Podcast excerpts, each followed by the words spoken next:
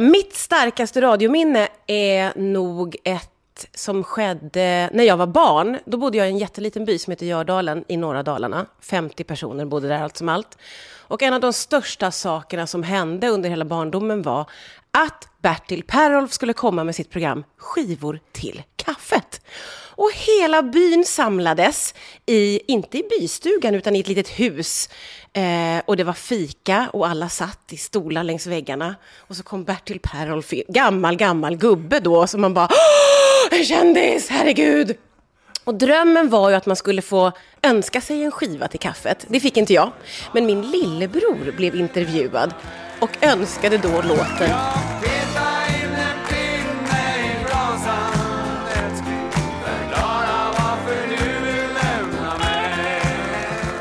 Peta in en pinne i brasan med Mats Rådberg.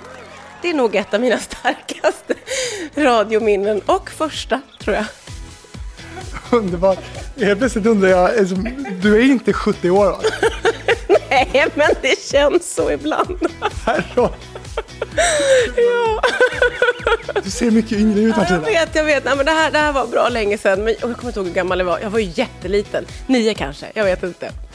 Radiofabriken den här veckan med Martina Thun.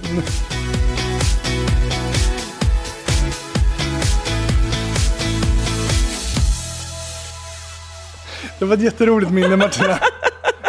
Tack! Ja, jag tycker själv att det är roligt när jag tänker på det. Det var så otroligt starkt det där att man var med om eh, något stort. Ja. Sådär. Och Radiofabriken har eh, från att ha varit i Bangkok i förra avsnittet hamnat i ett eh, vintrigt eh, Stockholm med snö på träden utanför där jag sitter nu. Och vi är faktiskt hemma hos mig den här veckan. Ja, men vi är ju det. Jag har inget kontor att bjussa på just nu, så jag, jag kom hit istället och tog en fika här. Ja, du är så välkommen. Vad kul att du är här. Vad tycker du att jag, hur skulle du beskriva min stil här, eller vår, eller min familjs stil, skulle du säga? Oh, jag tycker att er stil känns modern och medveten. Det är ju öppna ytor, eh, grått, industrilampor. Eh, jag tycker det är, det är, en otroligt härlig stil. Medveten, tycker jag. Mm. Och stilren, ska jag säga också. Vitt, grått, lite ljusblått där inne i barnrummet. Mm. Ja, fint. Mm. Här sitter vi i alla fall. Eh, har du lyssnat på Radiofabriken? Ja, jag har lyssnat lite grann. Jag ska säga ärligt att jag har inte varit en duktig poddlyssnare. Det är först senaste, kanske året, som jag har börjat lyssna. Men medan jag själv har jobbat intensivt med radio så har jag faktiskt inte kunnat lyssna särskilt mycket på varken radio eller poddar. Men det där har öppnats upp lite grann senaste året faktiskt. Det har varit som en sjuka jag har haft, att jag inte klarat det riktigt. Intressant. Jag är också ganska färsking tror jag med poddar. Jag tror jag också ett, två år bör, för ett, två år sedan så började jag lyssna på poddar faktiskt. Du, eh, det första minnet jag har av dig, det var nog när vi sände programmen efter varandra. Det måste varit eh, då som jag eh, eh, liksom, eh, lärde känna dig lite. Och det var ju när jag jobbade med Vaken och du sände Morgonpasset i P3, men för länge sedan med Olle Garp. Ja, just det. Det var ju så jag började med Morgonpasset. Då var det jag och Olle som sände. Eh, två år sände vi tillsammans. Oh, det var länge sedan. -huh. Kära någon, ja. Och det var ett helt annat program kan man väl säga? Jo, men det var det verkligen. Då kom jag in i något som var, det fanns ett Morgonpasset-koncept och det kördes med tekniker. Olle hade kört det innan, så jag tutades väl in i något, ett befintligt format, skulle man väl kunna säga. Eh, som ju sen ändrades helt och hållet efter två år när Olle slutade och eh, Hanna och Kodjo började istället. Men då kom du från den, den kommersiella världen och nu låter ju det här som att det här var tusen år sedan, det är det ju inte. Men det var ju lite eh, annorlunda förut att man kunde gå mellan kommersiell radio och public service. Så är det ju inte alls idag, men beskriv det för dig. Ja, det var en jättestor grej. Dels att få det samtalet från Sveriges Radio. Jag jobbade då på The Voice of Hip Hop and R&B. Eh, och där hade jag jobbat med morgonprogram. Då jobbade jag som producent och så ringde Sveriges Radio. Och det trodde jag var, alltså jag trodde aldrig att det skulle kunna hända. Det var på den nivån. Mm. Och när jag kom till Sveriges Radio så minns jag att det var en hög chef som sa till mig nu får du stålsätta dig lite, för att här är de inte vana vid att det kommer folk från kommersiell radio, så det, folk kan snacka skit om dig, så bara var beredd på det. Nu i efterhand kan jag tänka, det är ju inte klokt att han ens sa en sån sak. Det märkte jag inte av, ska jag säga. Men, men det var nog väldigt, väldigt ovanligt och lite märkligt mm. att man gick från kommersiell radio, och särskilt rakt till morgonpasset, som är någon slags flaggskepp också. Mm. Men märkte du av någonting då bland dina kollegor på Sveriges Radio när du kom? Nej, jag tyckte inte det. Jag märkte definitivt inte av det i redaktionen som jag jobbade i. Eh, och jag, mär var, jag, märkte inte att någon tittade snett eller sa någonting sådär. Eh, jag tror att det var en chef som var liksom orolig eller tänkte, målade fan på väggen.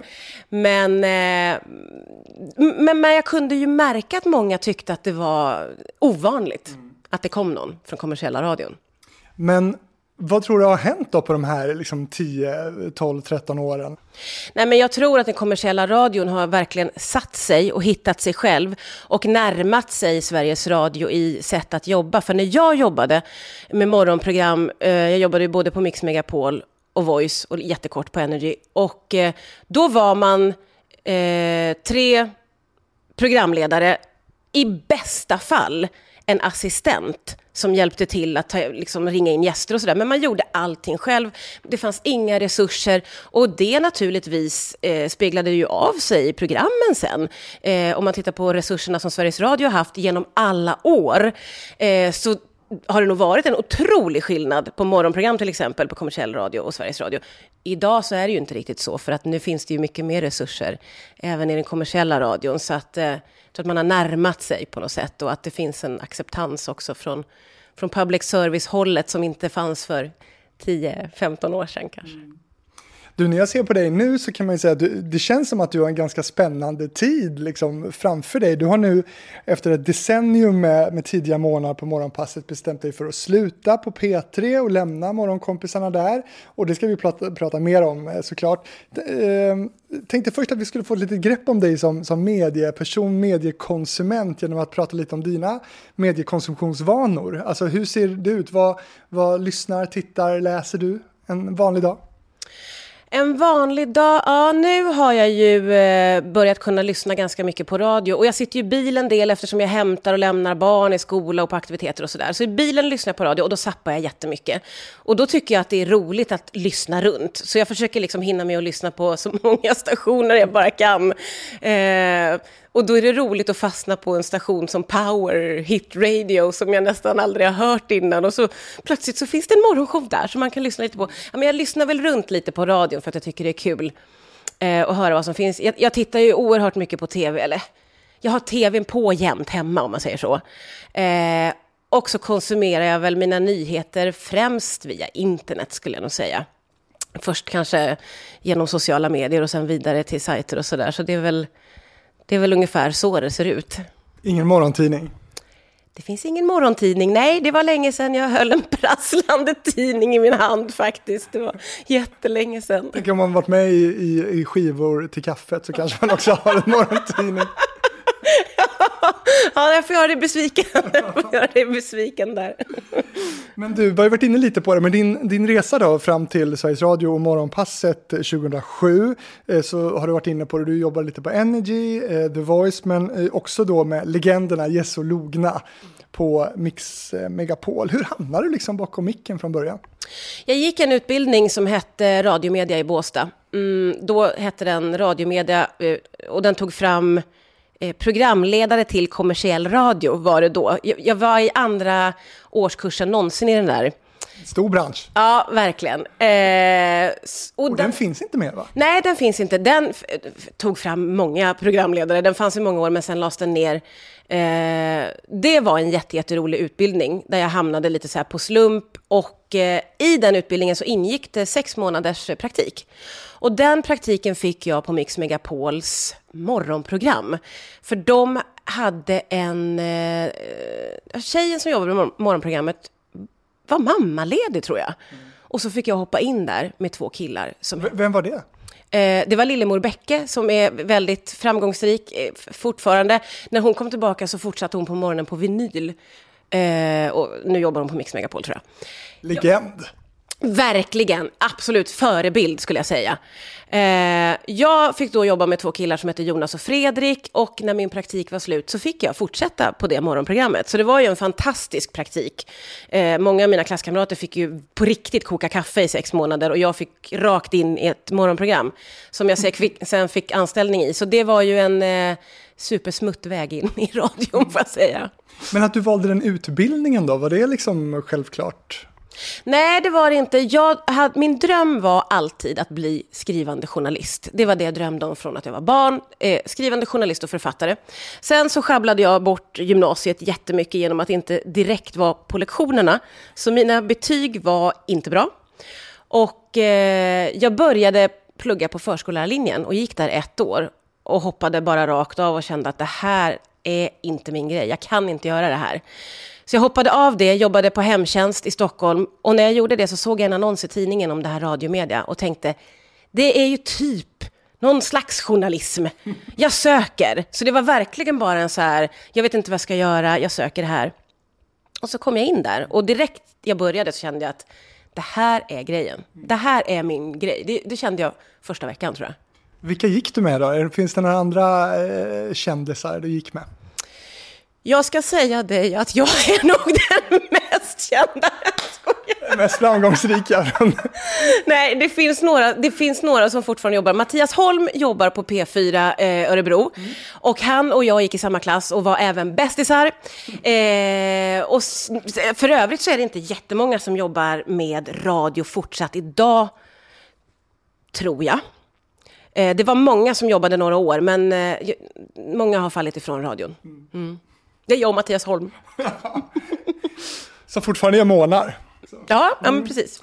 Du, eh, hur var det att jobba med Jesse Logna då? För de är ju också giganter ju inom svensk radio. Mm.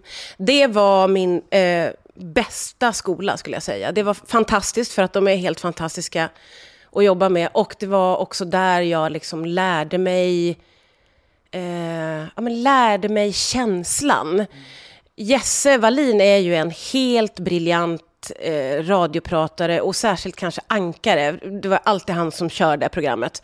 Och jag lärde mig så mycket genom att sitta bredvid och bara titta på hur han tog telefonsamtal, tog gäster, hur, när han satte på en låt, hur han liksom eh, öppnade en prat och hur han stängde. Alltså jag har tagit så mycket av mitt sätt att sända på från honom. Han är min största mentor och jag är så himla glad att jag fick jobba med dem i sex år blev det tror jag. Eh, för det var nej men det gick utanpå radiomedia och alla skolor, verkligen. Har ni någon kontakt idag? Väldigt sporadisk. Den är, vi hörs någon gång här och där, eh, men inte alls så mycket som jag skulle vilja, tyvärr. Och sen då när du hamnade på SR, tyckte du liksom att det var, alltså hur upplevde du skillnaden mellan eh, din bakgrund då inom kommersiell radio och, och public service? Jag upplevde den som väldigt stor. Eh, och det var lite grann som att komma från ett, eh, en jätterolig ungdomsgård till ett kontor där det var mer strängt och stängda dörrar i långa korridorer. Det var verkligen en markant skillnad. Eh, och i att komma från kommersiella radion, eh, där, där alla liksom, eh, stationerna jobbade i samma och alla satt tillsammans. Man var som en stor, glad, festlig familj som drack fredagsöl på fredagarna. Och så kommer man till det stora radiohuset på Gärdet där man lätt kan irra bort sig. Man måste hålla sig till sin lilla korridor eh, och där man är med sin klick. Eh, och där det, det var en annan känsla mm. i huset och ett annat tänk kring hur man gör radio. Så det var jättestor skillnad. Men eh, hur har du liksom anammat den där stilen då, det här senaste decenniet? Har du blivit en, liksom, en, en fullfjädrad SR-kvinna nu? Oj, jag vet inte riktigt. Saknar du ungdomsgården? Ja, nej, eh, det gör jag inte. Jag ska säga så här att jag hade ju den oerhörda turen att få komma till morgonpasset i P3.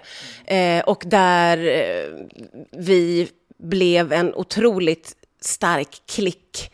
Som morgonpasset i P3, sen Hanna och Kodjo eh, började jobba, vi har jobbat ihop i nio år, så har det blivit som min familj. Eh, så där har det känts väldigt härligt, genuint, varmt och festligt. Eh, men det är klart att 11 år i public service gör ju att, ja, jag känner mig ju mycket som en SR-kvinna. Eller det, det, är klart att man anammar public service-tänket. Eh, mm. Men morgonpasset kanske har varit lite av public service ungdomsgård, eller? Ja, nej men absolut, så är det ju, självklart. Eh, och, eh, och återigen, man ska också komma ihåg att det var 11 år sedan eh, jag flyttade över och kunde göra de här jämförelserna. Jag vet inte alls hur det skulle vara att hoppa över idag. Det kanske inte alls är så stor skillnad, för jag tror att Sveriges Radio har liksom rört sig och det har även kommersiell radio gjort. Så, och det troliga är väl att man har närmat sig varandra. Så att, men för 11 år sedan, då var det stor skillnad. Att göra Morgonpasset är ju nästan lite av ett eh, hedersuppdrag. Det är ju en, en, en, ett klassiskt radioprogram, varumärke. Hur upplevde du att komma till, till Morgonpasset och, och göra det programmet själv? Nej, men precis som du säger. Jag kommer ihåg eh, samtalet jag fick för att jag trodde inte att det var sant. Det var... Eh, nej, men för mig så har Morgonpasset i P3 varit morgonprogrammet som har suttit högst upp på någon slags tron över alla andra. Så det var en helt oerhörd ära. Och så har jag känt alla år som jag har fått jobba med programmet, så har jag känt att det är en ynnest varenda dag att få vara... Nej, inte varenda dag. Eh, jo, i, i stort sett. Nej, det är klart man har dåliga dagar även när man jobbar med ett sånt roligt program. Men, men att få vara en del av Morgonpasset i P3 i 11 år, det, Nej, men jag är jättetacksam för det. Men varför är Morgonpasset så, en sån, så starkt varumärke?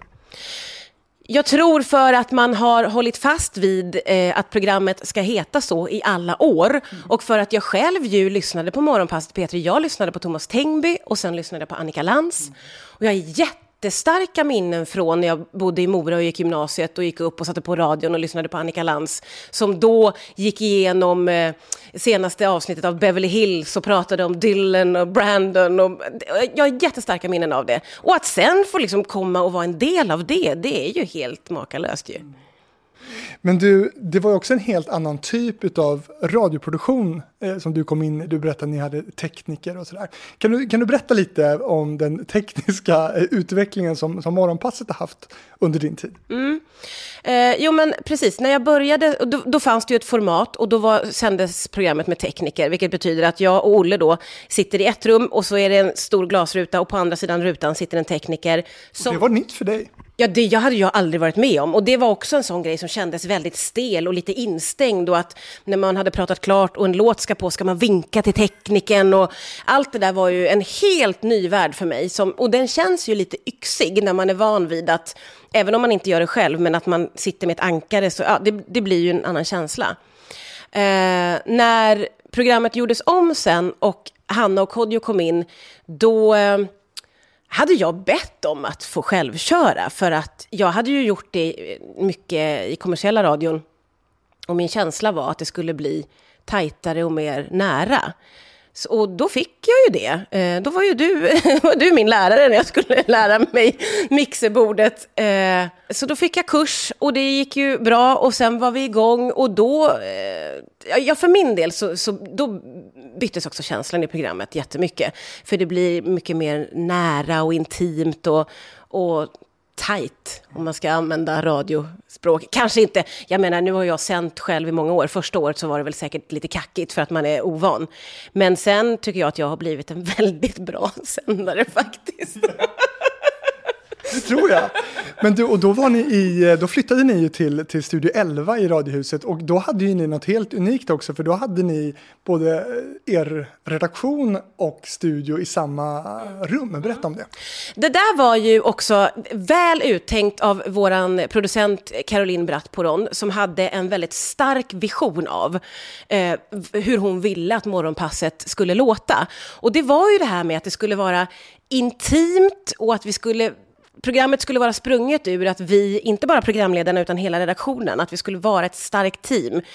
Som en familj, det låter lite klyschigt, men att det skulle vara tanken att vi var så tajta och att vi skulle få nästan lite grann jobba in oss i, som i en liten bubbla. För vi blev ju också då lite åtskilda från övriga både P3 och Radiohuset. Eftersom redaktionen satt kvar i det här rummet så, så umgicks egentligen bara vi. Det låter knäppt, men det blev väldigt bra för att eh, vi hittade en känsla i eh, vårt uttryck som var liksom sprunget ur det där väldigt, eh, att det bara är vi liksom. Mm. Och som vi har pratat om, eller som du har nämnt, så, så kom ju Kodjo och Hanna, Kodjo Akolor och Hanna Hellqvist in. Um, berätta lite om, eh, om hur det blev just uh, de två som skulle joina dig i, i det nya morgonpasset. Mm. Eh, Kodjo hade kommit in eh, på somrarna, eller på sommaren, nu kommer jag inte ihåg hur många somrar, men när jag och Olle sände så eh, fick vi sända själva på sommaren för att eh, en skulle vara ledig och den andra fick sända själv. Och då fick vi ta in eh, programledarkompisar. Och vi klickade något oerhört eh, på ett sätt som gjorde att jag tror chefer reagerade. Han var lite sådär eh, självklar att han skulle in. Men det gjordes, eh, vi gjorde piloter med massa olika personer. Och där var det en som stack ut, eh, såklart. Och en som också funkade otroligt bra med mig och Kodjo. Och det var Hanna Hellqvist. Eh, och det kände nog vi redan under de här testerna att det är solklart hur det här ska bli. Och så blev det också. Hur har det varit att jobba tillsammans med de här två? Som sagt, ni tussades ihop och liksom nio år senare, eh, som din familj beskrev du, men hur har, hur, hur har hela den här processen varit? Det har ju verkligen varit en process för att eh, första året, då upplevde ju jag att jag redan då var lite erfaren radiopratare och de två var ju helt gröna på att göra radio.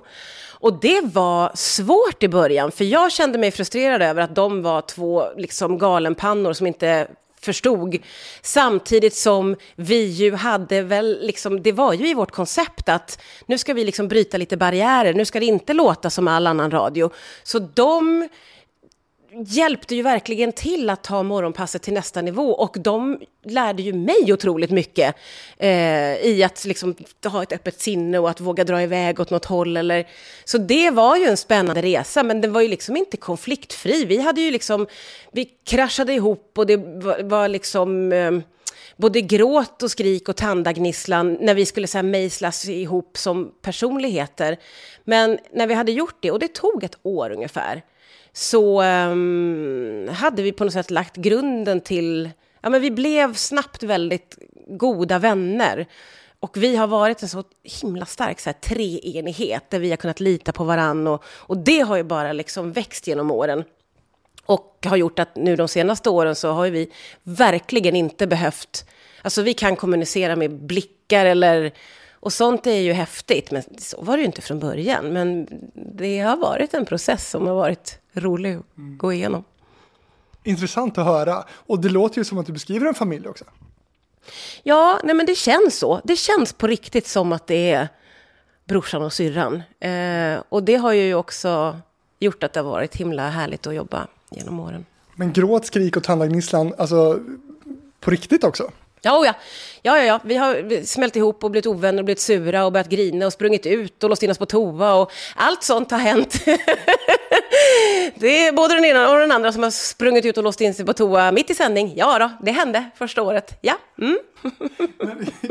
kan du bjussa på något sånt exempel? Vad kunde det ha handlat om? Alltså? Ja, det där är, det är ju, jag antar att vi kände på varandras personligheter, för nu i efterhand kan jag nästan, jag kommer ihåg bland annat ett tillfälle när jag, eh, ankaret alltså, lämnade studion. Vi hade precis fått in en gäst. Eh, och jag kom i clinch med Hanna över någonting som jag nu i efterhand, jag nästan kan inte ens komma ihåg vad det var. Men det, det var som att vi liksom mätte våra, vi stötte våra egon mot varandra. Och eh, jag blev, eh, hon var arg och jag blev arg och jag blev så arg så jag blev ledsen och sa skit i den här skiten och sprang ut. Låste in mig på toa. Och hur det gick med den intervjun, det vet, jag vet inte det. För producenten var och knackade på min dörr och sa kom ut, kom ut. Vi har några sådana incidenter. Ja. alltså, hur löste det här sig då? Ja, det löste sig väl så att jag grinade klart och till slut kom ut och att producenten på något sätt fick liksom tussa ihop och så. Men och sen har vi så här, då får man prata ut om det och efter sändning får man ha sådana krissamtal och... Eh, och sen så har vi alltid kunnat lösa de där grejerna och bli vänner och gå vidare. Har det varit genom samtal? Liksom? Genom samtal, absolut. Och att vi har ju, jag tror att vi redan från dag ett kände jättestarkt att det här, det här är något speciellt. Vi tre har någonting som går utanpå allt annat. Eh, och då, det kommer inte att vara friktionsfritt. Det kommer inte att bara vara helt enkelt, utan vi behövde ha en period där, där sånt här hände. Och det har ju lagt grunden till att vi idag är, ja men har någon slags band mellan oss som liksom inte syns ens. Så var det första året. Det gick över sen. Saknar du dem? Ja, det gör jag. Jag saknar dem jättemycket. Jag saknar ju sammanhanget och dem. Jag, måste ändå, jag vill ändå veta hur det gick med den där intervjun och vem var det som, vad var det för gäst du hade i studion när du stormade ut där som ankare? Mm, jag, kommer faktiskt inte, jag minns att det var en man, en äldre man, så det var säkert någon professor av något slag, stackarn, ja. som kom in i så här, känslostormarnas känslostorm, där väl Hanna och Kodjo då fick på något sätt, ja, intervjua honom. Jag vet inte vem det var som tryckte på knapparna. Kommer inte ihåg. Fantastiskt roligt. Efter något år där så, så beslutade sig Petri för att också sända morgonpasset på helgen också. Det var väl något som aldrig hade gjorts förr? Eh, no, nej, när jag började jobba, när jag jobbade med Olle så sändes morgonpasset från Göteborg fredag, lördag, söndag.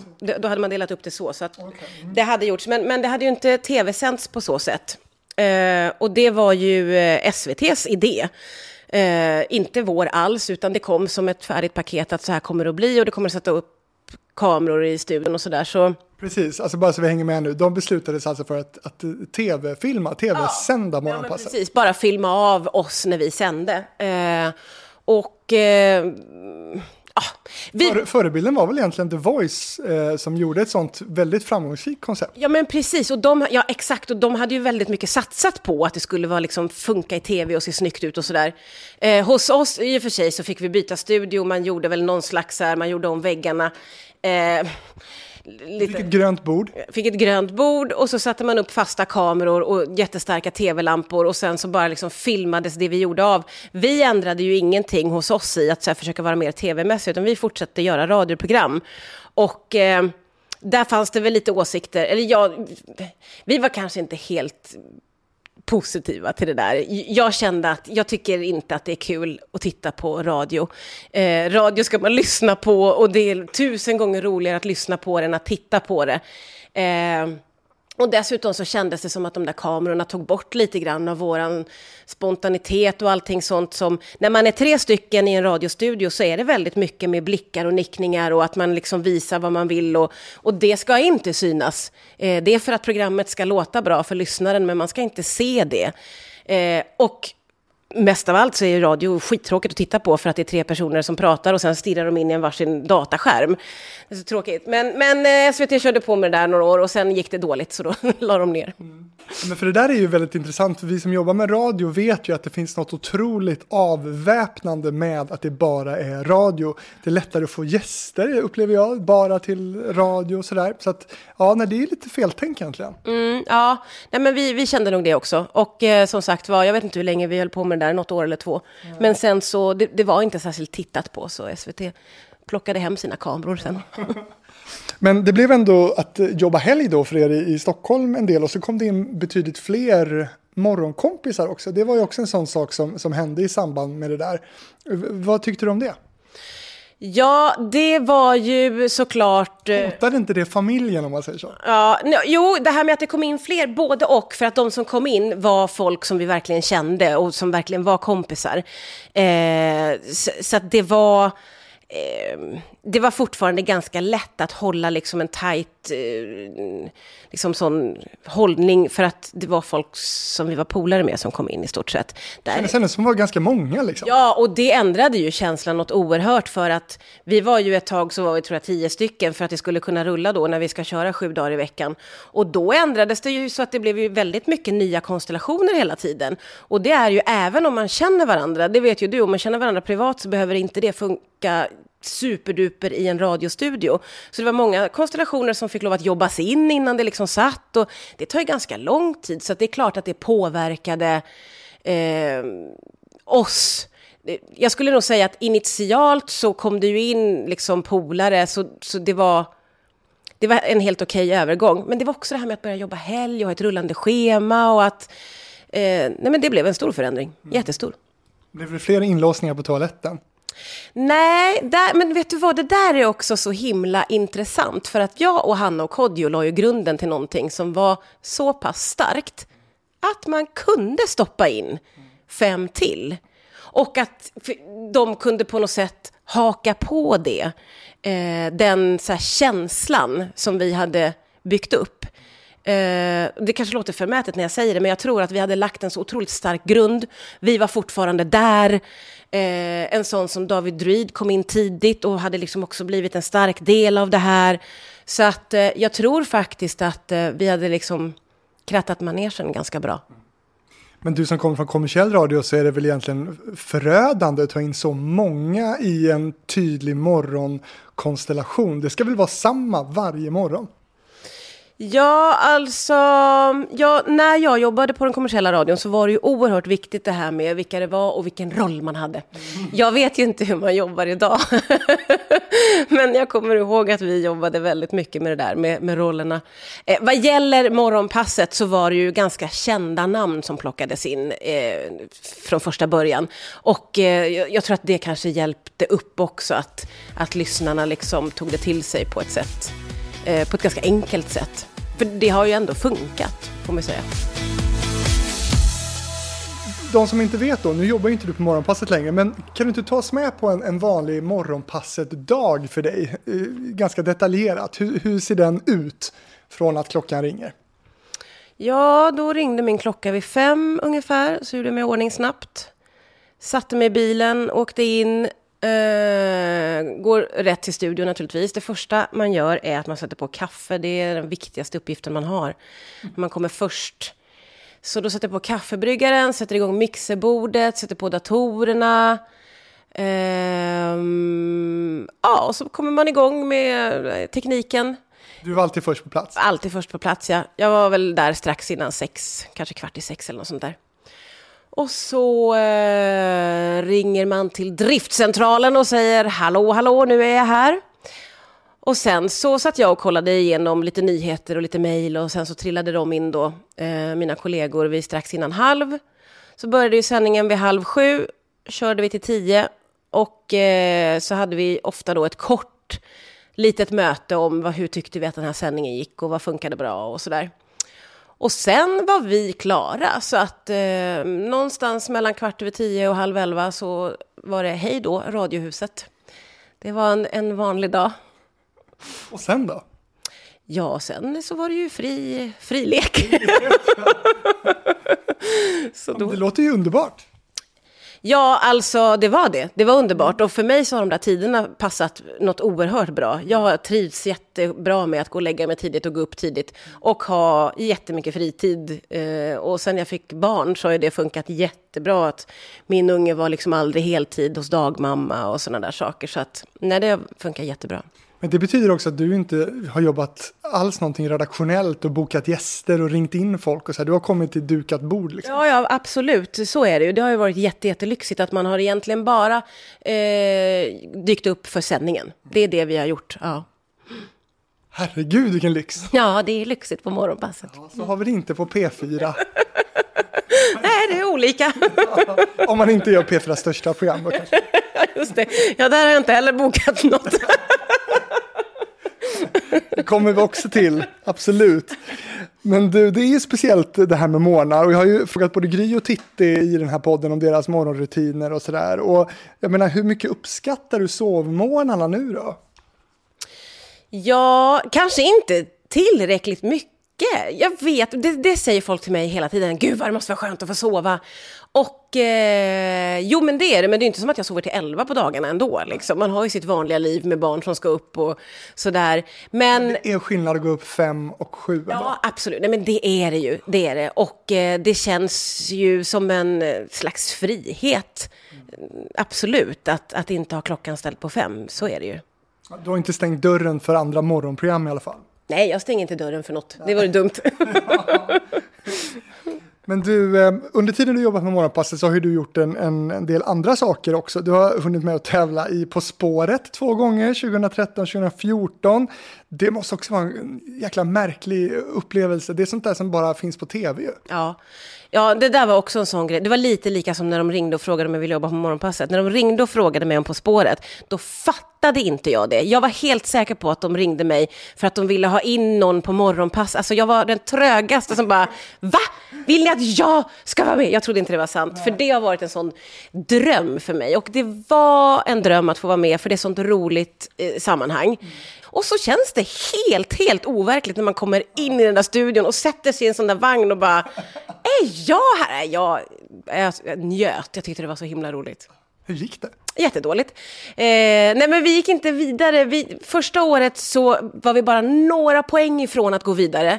Och det var kanske därför vi fick komma tillbaka året efter, för de tänkte, åh, de kanske är bra. Men det var vi inte. Vi, vi gick inte vidare året efter heller, så att, eh, det var roligt ändå.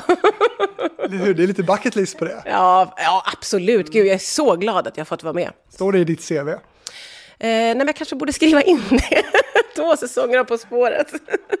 Tycker jag. Sen har du gjort en tvådd också, om och med hundar. Mm. Ja, men precis. Det där var någonting som jag eh, helt själv kom på att jag ville göra och kontaktade SVT och de var så här, jättekul, vi kör. Och så fick jag göra, det var ju liksom en produktion som det var jag och en producent, så där gjorde jag verkligen allting själv, från att här, ringa gäster och boka taxi och hitta på ämnen. Men det var superroligt. Det var så himla, himla kul. Det var väl lite sådär en grej att få stå på egna ben lite. Och sen att få så här, bara grotta ner mig i mitt älsk för hundar. Eh, så det var superkul att få göra det, verkligen. Så glad att de sa ja till den grejen. Låter ju jätteroligt. Det blir det någon fortsättning? Nej, det verkar inte så. Det var lite snack om det ett tag och jag hade gärna gjort det, men eh, jag tror inte det. Men det var superkul att få göra den där säsongen. Och så bok också. Ja, ja, den här uh, kokboken ja. ja. den, äh, den kom ju till lite av så slump och det, det är ju väldigt morgonpasset relaterat för att jag, jag är ju otroligt känd för att inte kunna laga mat. Och jag hade väl någon period där jag i programmet berättade om vad jag hade lagat och så ritade jag i mm, på datorn så här jättedåliga bilder av vad jag hade lagat. Och då är det ju ofta så här korv och bröd är en rätt som jag lagar. Så var det ett bokförlag som tog kontakt med mig och bara, ska vi inte göra en kokbok av det här? Jag bara, men det här, jag kan inte, det här är ett skämt. Och de bara, ja men vi kör på det. Och så tänkte jag, men det måste ju säga ja. Jag kan ju inte säga nej nu. Så att då gjorde vi det. Så det är en skämtkokbok kan man säga. Men det var ju väldigt roligt att få göra det. Varmkorv och bag-in-box. Ja, just det. Mm. Men, har du tackat nej till någonting?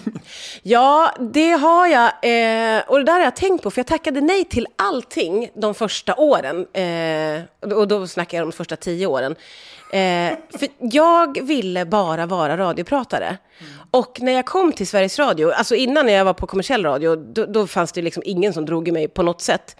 Men när jag kom till Sveriges Radio och började på Morgonpasset, då var det direkt att man ville ha med mig i SVTs morgonsoffan och att pressavdelningen ville liksom ha in mig på grejer. Och jag kommer ihåg att jag satt in hos pressavdelningen och sa, jag vill inte göra sånt.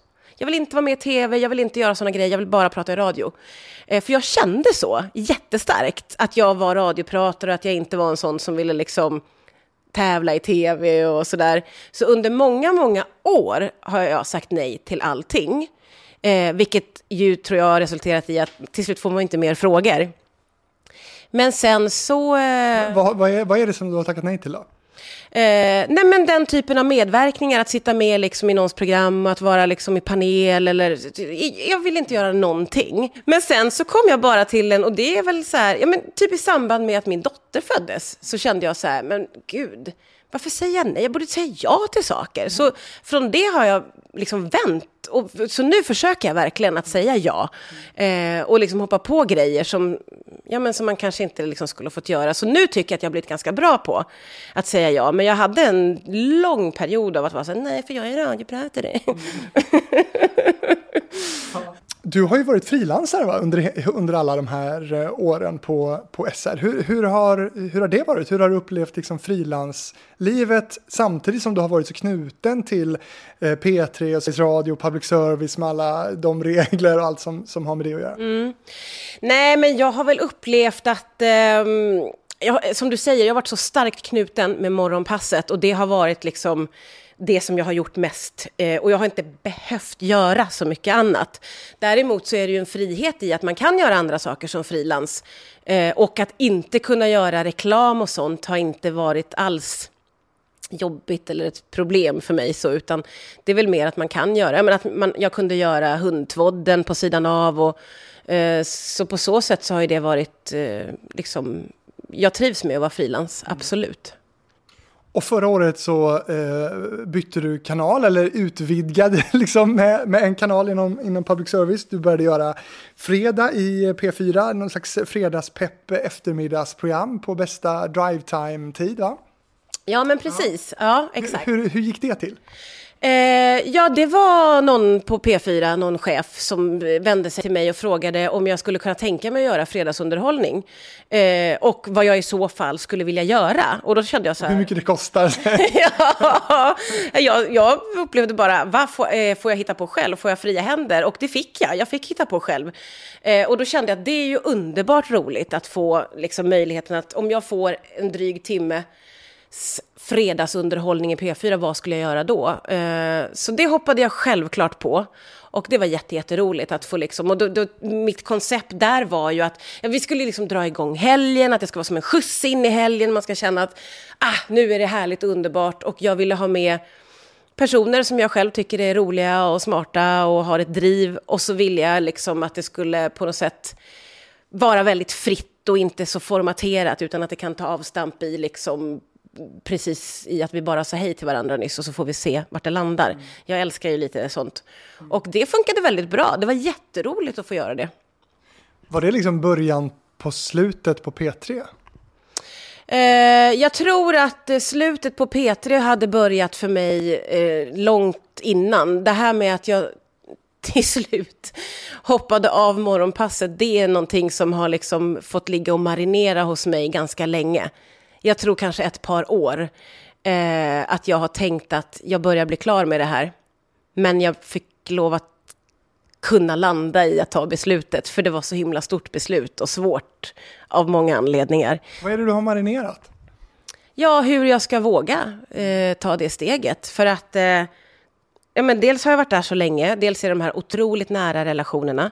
Dels så är det morgonpasset i P3 och det är ju kanske vansinnigt att liksom säga hej då till ett, ett sånt program. Samtidigt som man måste ju göra det. Man kan, jag kan ju inte jobba tills jag blir 65 på morgonpasset.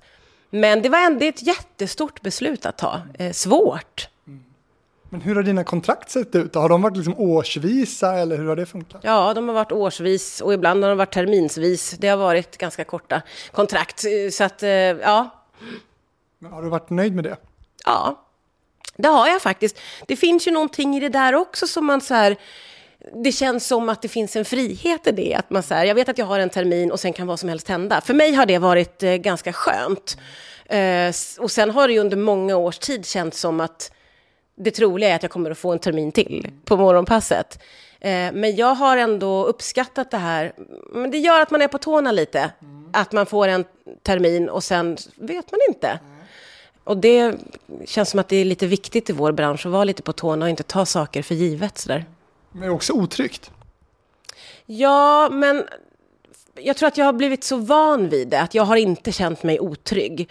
Eh, och det är lite samma nu när jag har eh, hoppat av morgonpasset och inte riktigt vet vad jag ska göra så känner jag mig ändå inte otrygg. Om någon annan kanske är naiv. Ja. Nej men det är lite, det är ju så här mm. i den här branschen. Så här är det för oss. Ja, fast det behöver ju inte vara så. Man, man, kan ju ha en fast anställning också. Ja, ja, ja men absolut. Men det har ju inte jag. Jag är frilans och jag har haft det väldigt ombonat i många år och nu har jag inte det. Mm. Eh, och då får man, får man jobba på och se vad som händer lite. När du har omförhandlat då de här korta kontrakten, har du haft några krav, eller ska vi kalla det önskemål på att faktiskt ska fortsätta med programmet? Um, nej men det har väl handlat om att man vi har velat behålla liksom, programmets integritet. Och som du själv sa, när, vi, när det blev fler programledare och saker har ändrats, så har väl jag och vissa av oss varit måna om att integriteten ska behållas och att vi ska liksom fortsätta på ett visst spår och sådär. Och vi, vi har ju liksom under alla år varit väldigt involverade i eh, programmet och haft liksom, åsikter om hur vi tycker att, åt vilket håll det ska gå och sådär. Så sånt har man ju naturligtvis pratat om i de situationerna. Och vad gäller förändringar i programmet så har jag säkert varit någon som har försökt bromsa det mer. Nej, jag vet inte. Det är svårt att säga själv hur tongivande man har varit, men eh, det är klart att eh, ja, men det, det, känns ju som att jag har varit en jättestor del av det. Men nu är eh, P3 över, så att säga. Har, har du känt dig för gammal för P3? Ja, både ja och nej. Eh, å ena sidan så känner jag att jag har haft en jättebra eh, liksom connection med våra lyssnare och eh, den responsen jag får eh, från unga, unga, unga tjejer har liksom gjort att jag känt mig trygg i att jag, mitt tilltal funkar eh, för alla generationer och det spelar ingen roll hur gammal jag är. Sen kan jag naturligtvis känna att eh, jag har varit där länge och att mitt eget liv liksom förändras och att, ja men det var väl också en sån grej som gjorde att jag kände att jag är klar nu. Mm. Du är inte jättegammal. För någon som inte vet, du blir 45 i maj här va? Ja, exakt. Ja, nej, nej, jag känner mig inte gammal alls. Men det är klart att det är skillnad på siffran 45 och siffran 21. Eh, och, och, många av lyssnarna är ju 21. Alltså, ja. Och mitt liv ser ju helt annorlunda ut än vad en 21-årings gör i Åmål. Det ja. tror jag. Åmål intressant, för visst är det så att morgonpasset är väldigt starkt utanför Stockholm och storstäderna? Mm, ja men absolut. Hur har du märkt det? Ja, det märker man ju av både på respons förstås, eh, men också, vi har ju sänt en del ute och när man åker ut så där så märker man ju att eh, folk blir glada när man dyker upp och att folk känner igen en och så där, så det är ju superroligt. Nu är det ju eh, nya tider. Vad, vad händer nu? Vad skulle du vilja? Hur tillgänglig är du? Ja, jag är väl jättetillgänglig. Jag, eh, just nu så vet jag inte, nu väger jag liksom mina... nu, nu för jag samtal med folk och har lite möten och så får jag se vart det landar. Just nu eh, så, så, gör jag ju P4 Mello Extra eh, och det gör jag nu i februari. Eh, och det har jag sagt att jag ska göra, eh, det egentligen. Och, så, och sen får vi lite grann se. Jag, jag vet inte vart det kommer att landa, helt ärligt. Eh, vi får se. Men telefonen går varm? Alltså, det, det, telefonen har ju ringt i alla fall och det finns lite möten inbokade. Så att eh, du vet hur det där är. Jag kan inte säga så mycket, men vi får, vi får se. Vi får se vad, vad det landar i. Trevliga kvarter där borta på Marieberg. ja, det finns väl trevliga kvarter överallt i stan, gör det inte det? Ja. Men, eh, men hur öppen är du för, alltså, eh, jag tänker, den kommersiella radion står ju inför en jätte eh, nydaning här nu under våren och sommaren när vi får tre, för första gången tre nationella kommersiella radiostationer. Är den kommersiella radion intressant för dig fortsättningsvis? Ja, alltså jag tror att eh, så, om jag kan gå vidare till någonting som gör att jag känner att det är intressant och roligt och att jag kan utvecklas eh, som programledare, mm. då är jag öppen för vad som helst. Jag, som jag sa till dig innan, jag stänger verkligen inga dörrar. Men jag vill, eh, jag, jag hoppas på någon på något jobb som, eh, ja, men där jag kan känna att jag kan utvecklas. Jag skulle vilja ta ett steg någonstans, om du förstår vad jag menar. Ja. Men åt något speciell, speciellt håll eller nej, vad som helst? Nej, men jag vet faktiskt inte. Jag tror att jag vill göra något eh, som känns liksom... Ja, som bara känns utmanande och utvecklande. Och jag vet själv inte vad det skulle vara. Sprida mina vingar lite, jag vill iväg någonstans. Och det är så svårt att veta själv vad det skulle vara. Sådär. Men, men eh, jag behöver bara ta ett steg åt något håll och få känna att jag liksom... Ja, men jag behöver utmana mig själv lite. Sen vet inte jag vad det blir. Men hur har du trivts då? För nu har du gjort, eh, som du sa, P4 Mello Extra som är en del av, av P4 Extra kan man säga. Ehm, och där saknar man väl en, en, en fast profil nu sen Lotta Bromé slutade. Vad, hur känner du dig för det programmet? Hur känner du för P4 Extra och, och den redaktionen och den publiken som, som P4 Extra har? Ja, det, jag kände redan när jag gjorde Fredag i P4 att jag känner mig otroligt hemma i P4-publiken. Jag är ju lite där. Eh, så det, det, det, känns otroligt eh, glatt för mig att få vara med P4-publiken. Jag trivs med dem. Och sen, som du sa, så har jag ju haft ynnesten att få göra nu P4 Mello Extra och jag fick hoppa in och köra eh, P4 Extra vicka lite där innan jul och det har varit jätte, jätteroligt. Där kan man snacka om utmaning. Det är så totalt olikt allt vad morgonpasset heter.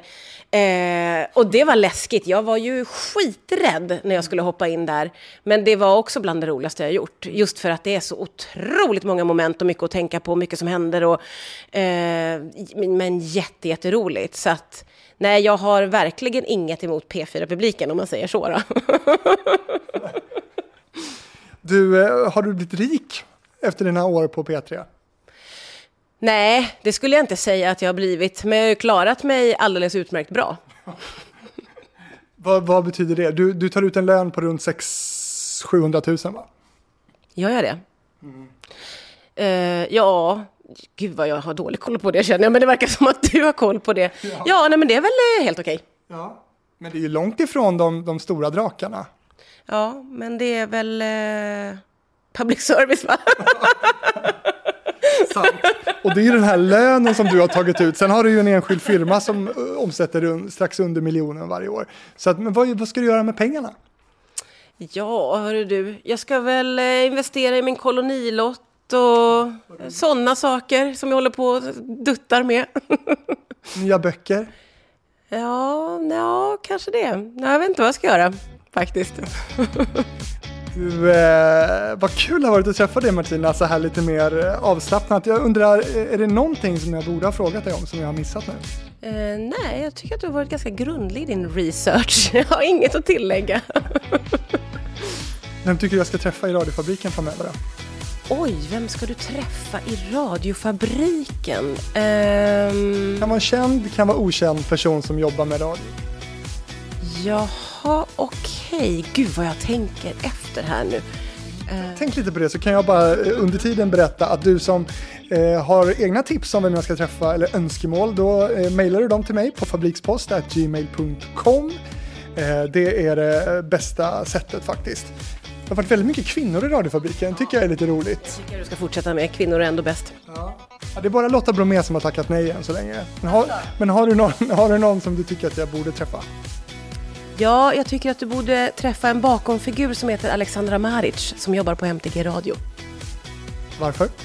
Därför att hon är eh, en fantastisk person, spännande resa som hon har gjort inom radio där hon började som någon slags växelperson och har gjort en chefskarriär. Hon är smart, härlig, min kompis, men hon är jätte, jätte, jättespännande. Martina Thun, tack för att du var med i radiofabriken. Tack så mycket.